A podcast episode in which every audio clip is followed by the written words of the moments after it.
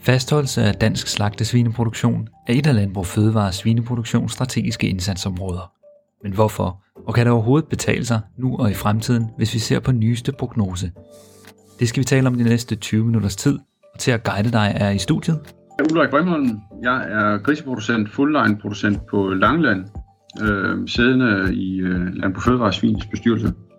Ja, mit navn er Stisse Willumsen Slælberg, og jeg er ansat som specialkonsulent hos Sikkes Erhvervsøkonomi og arbejder med øh, svineproduktion og økonomi, og herunder prognoserne.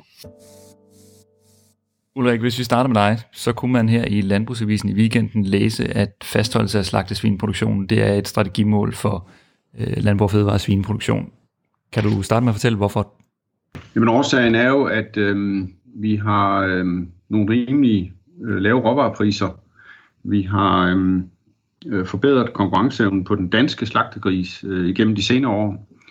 Øh, vi har øh, et stort behov for at øh, sikre øget bæredygtighed øh, i vores, øh, både i vores økonomiske udgangspunkt, men også i, i vores miljømæssige udgangspunkt.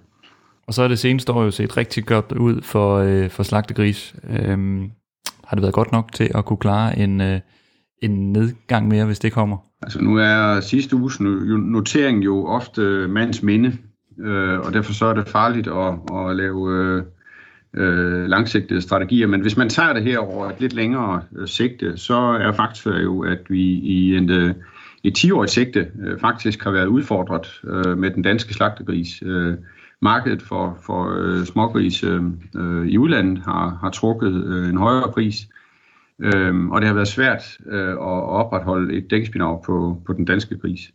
Det ser jo med, imidlertid ud til at, at, at, af mange grunde øh, at være ændret.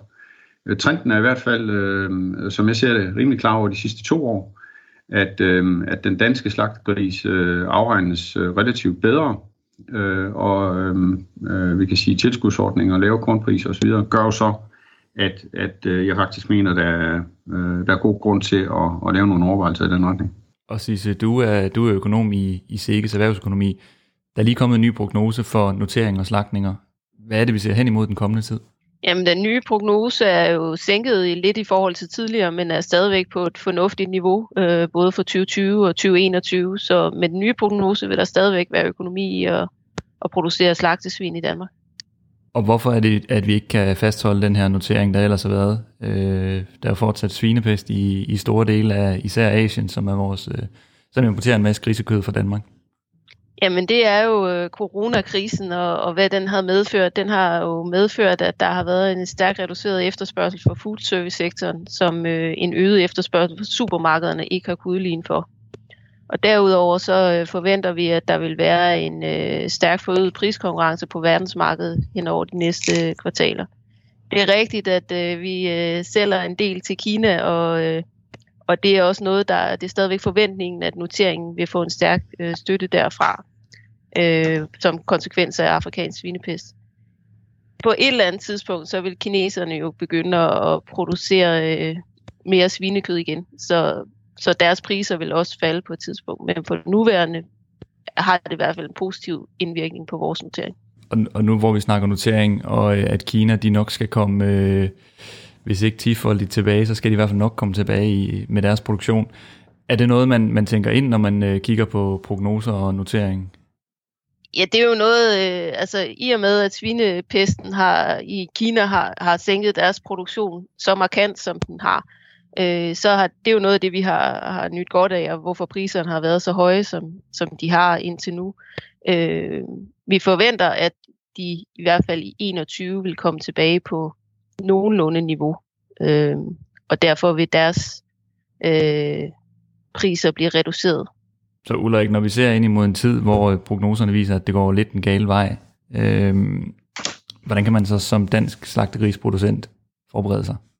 Jeg synes jo igen, øh, vi, vi, skal, vi skal, det er et niveauskifte, øh, og vi skal forholde os til, at vi, øh, vi har en, en højere pris øh, nu, øh, uagtet at den er faldet, vi har haft øh, igennem en årrække.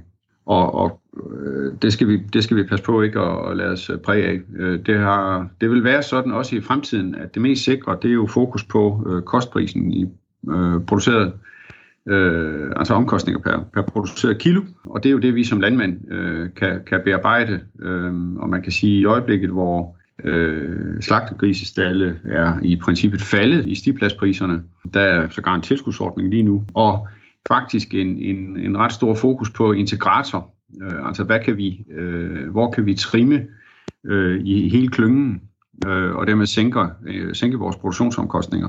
Vi har set en faldende trend, og, og det gør jo så også, at, at øh, afstanden til, til noteringen øh, er blevet mere positiv. Altså, øh, så øh, det er klart, det, er, det havde, havde prognosen holdt, jamen så havde vi haft et helt, helt usædvanligt historisk højt niveau med en, en jeg næsten sige, helt vanvittig indtjening.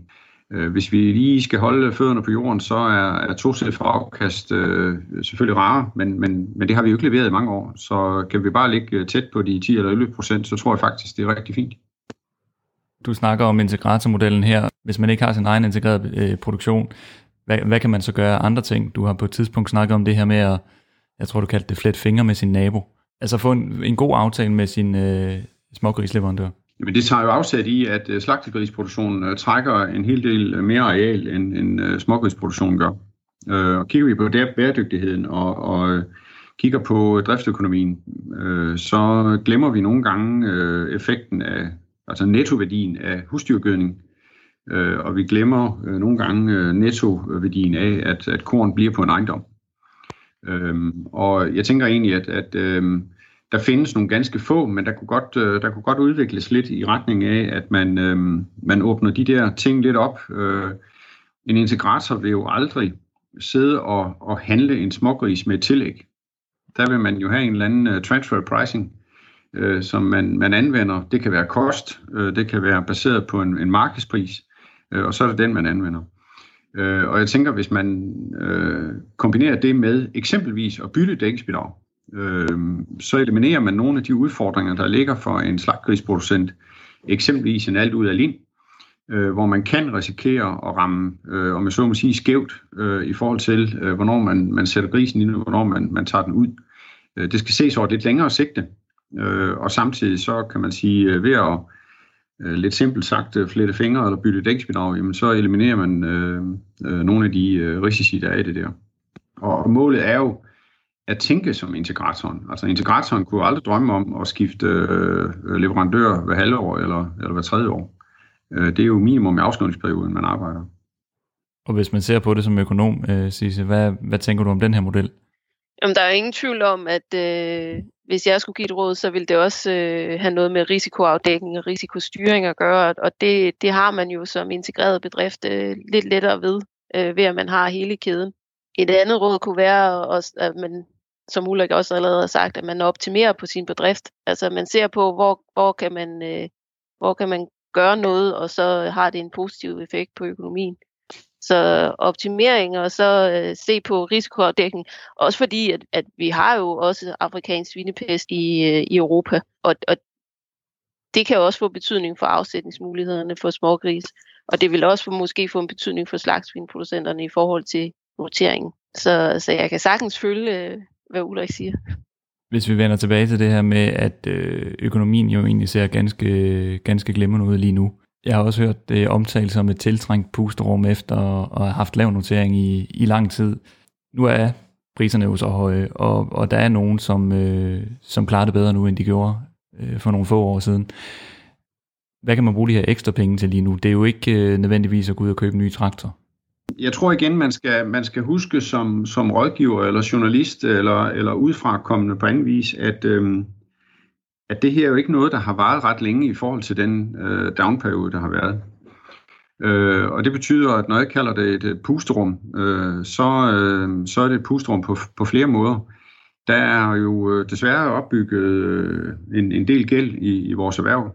Øh, og det har mange grunde, men, men øh, det mærkes jo meget tydeligt, at den finansielle sektor øh, har øh, strammet skruen gevaldigt øh, på det.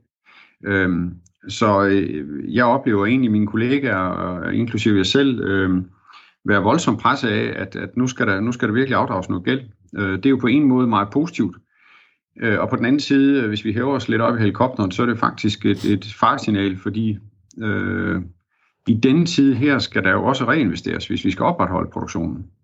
Øh, det er jo, øh, hvis vi ser på den danske slagterikapacitet, øh, så har den jo været udfordret øh, negativt øh, i en periode.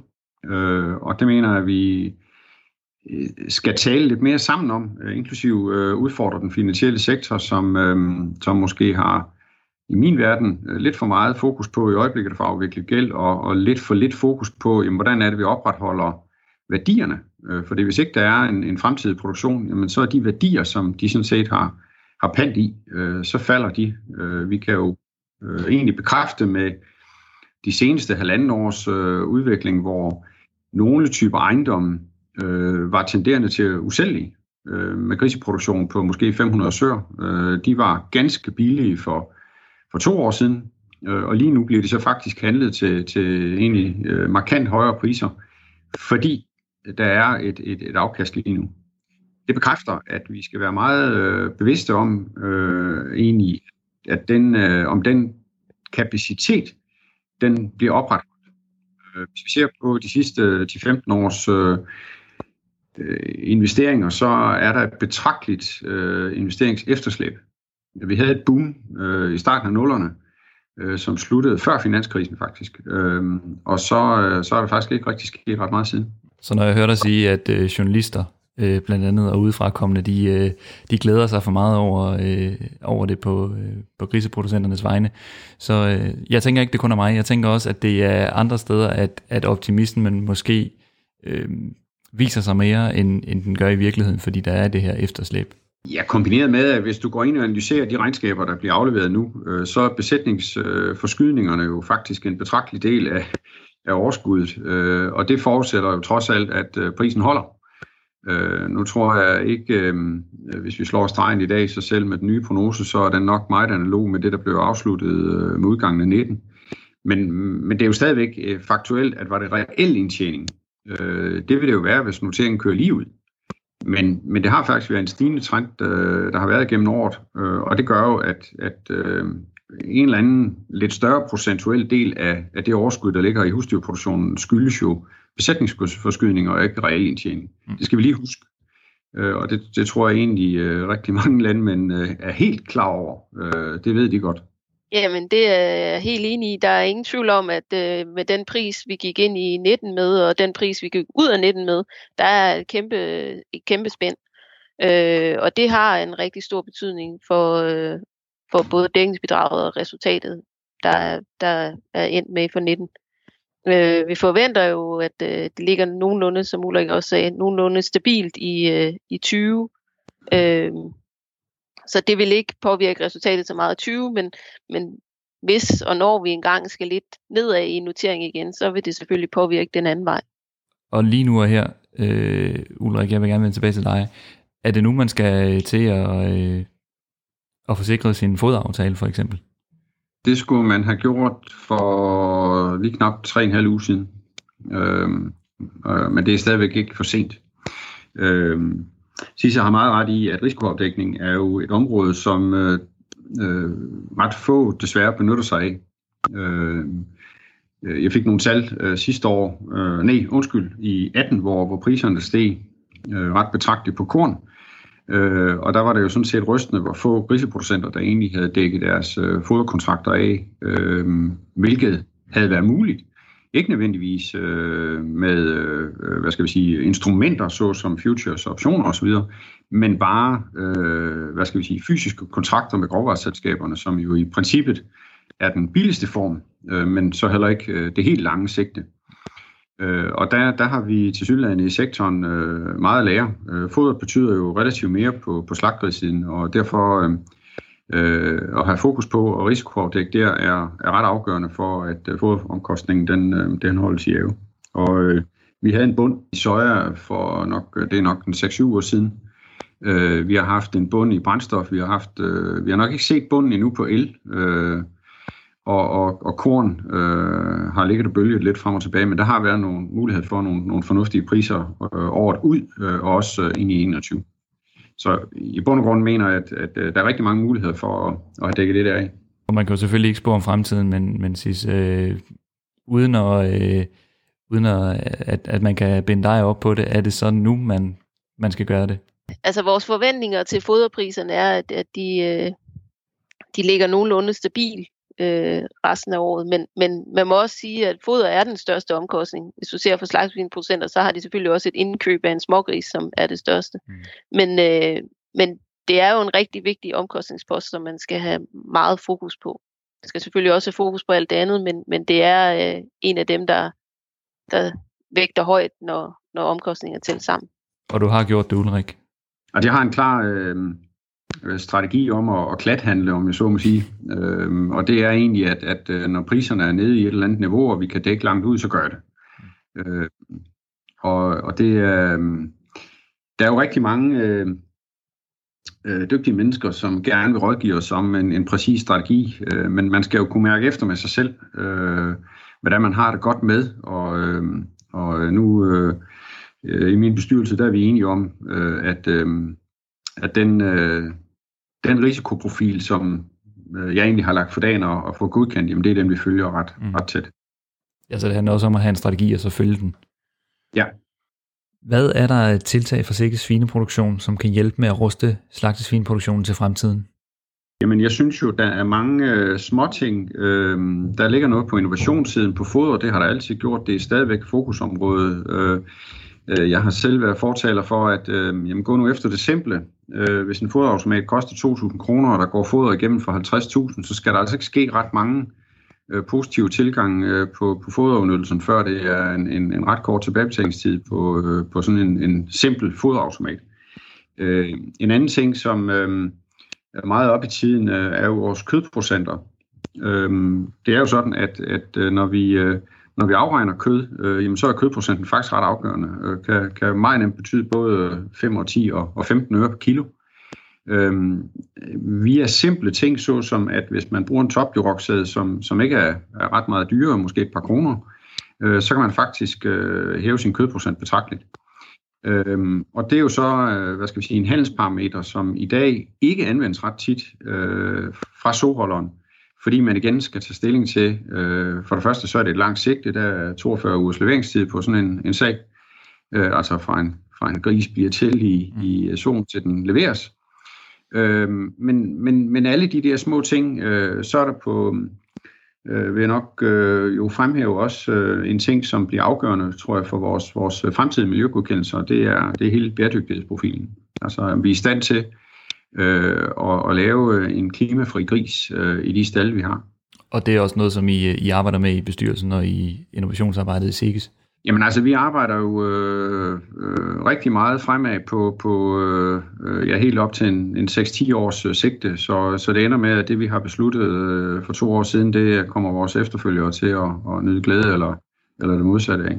Så det er, øh, jeg synes faktisk, vi har, vi har mange ting i pipeline, øh, men også at man øh, genbesøger tidligere resultater og analyseforhold, øh, hvor, man, hvor man kan se, at det, har det virket det her?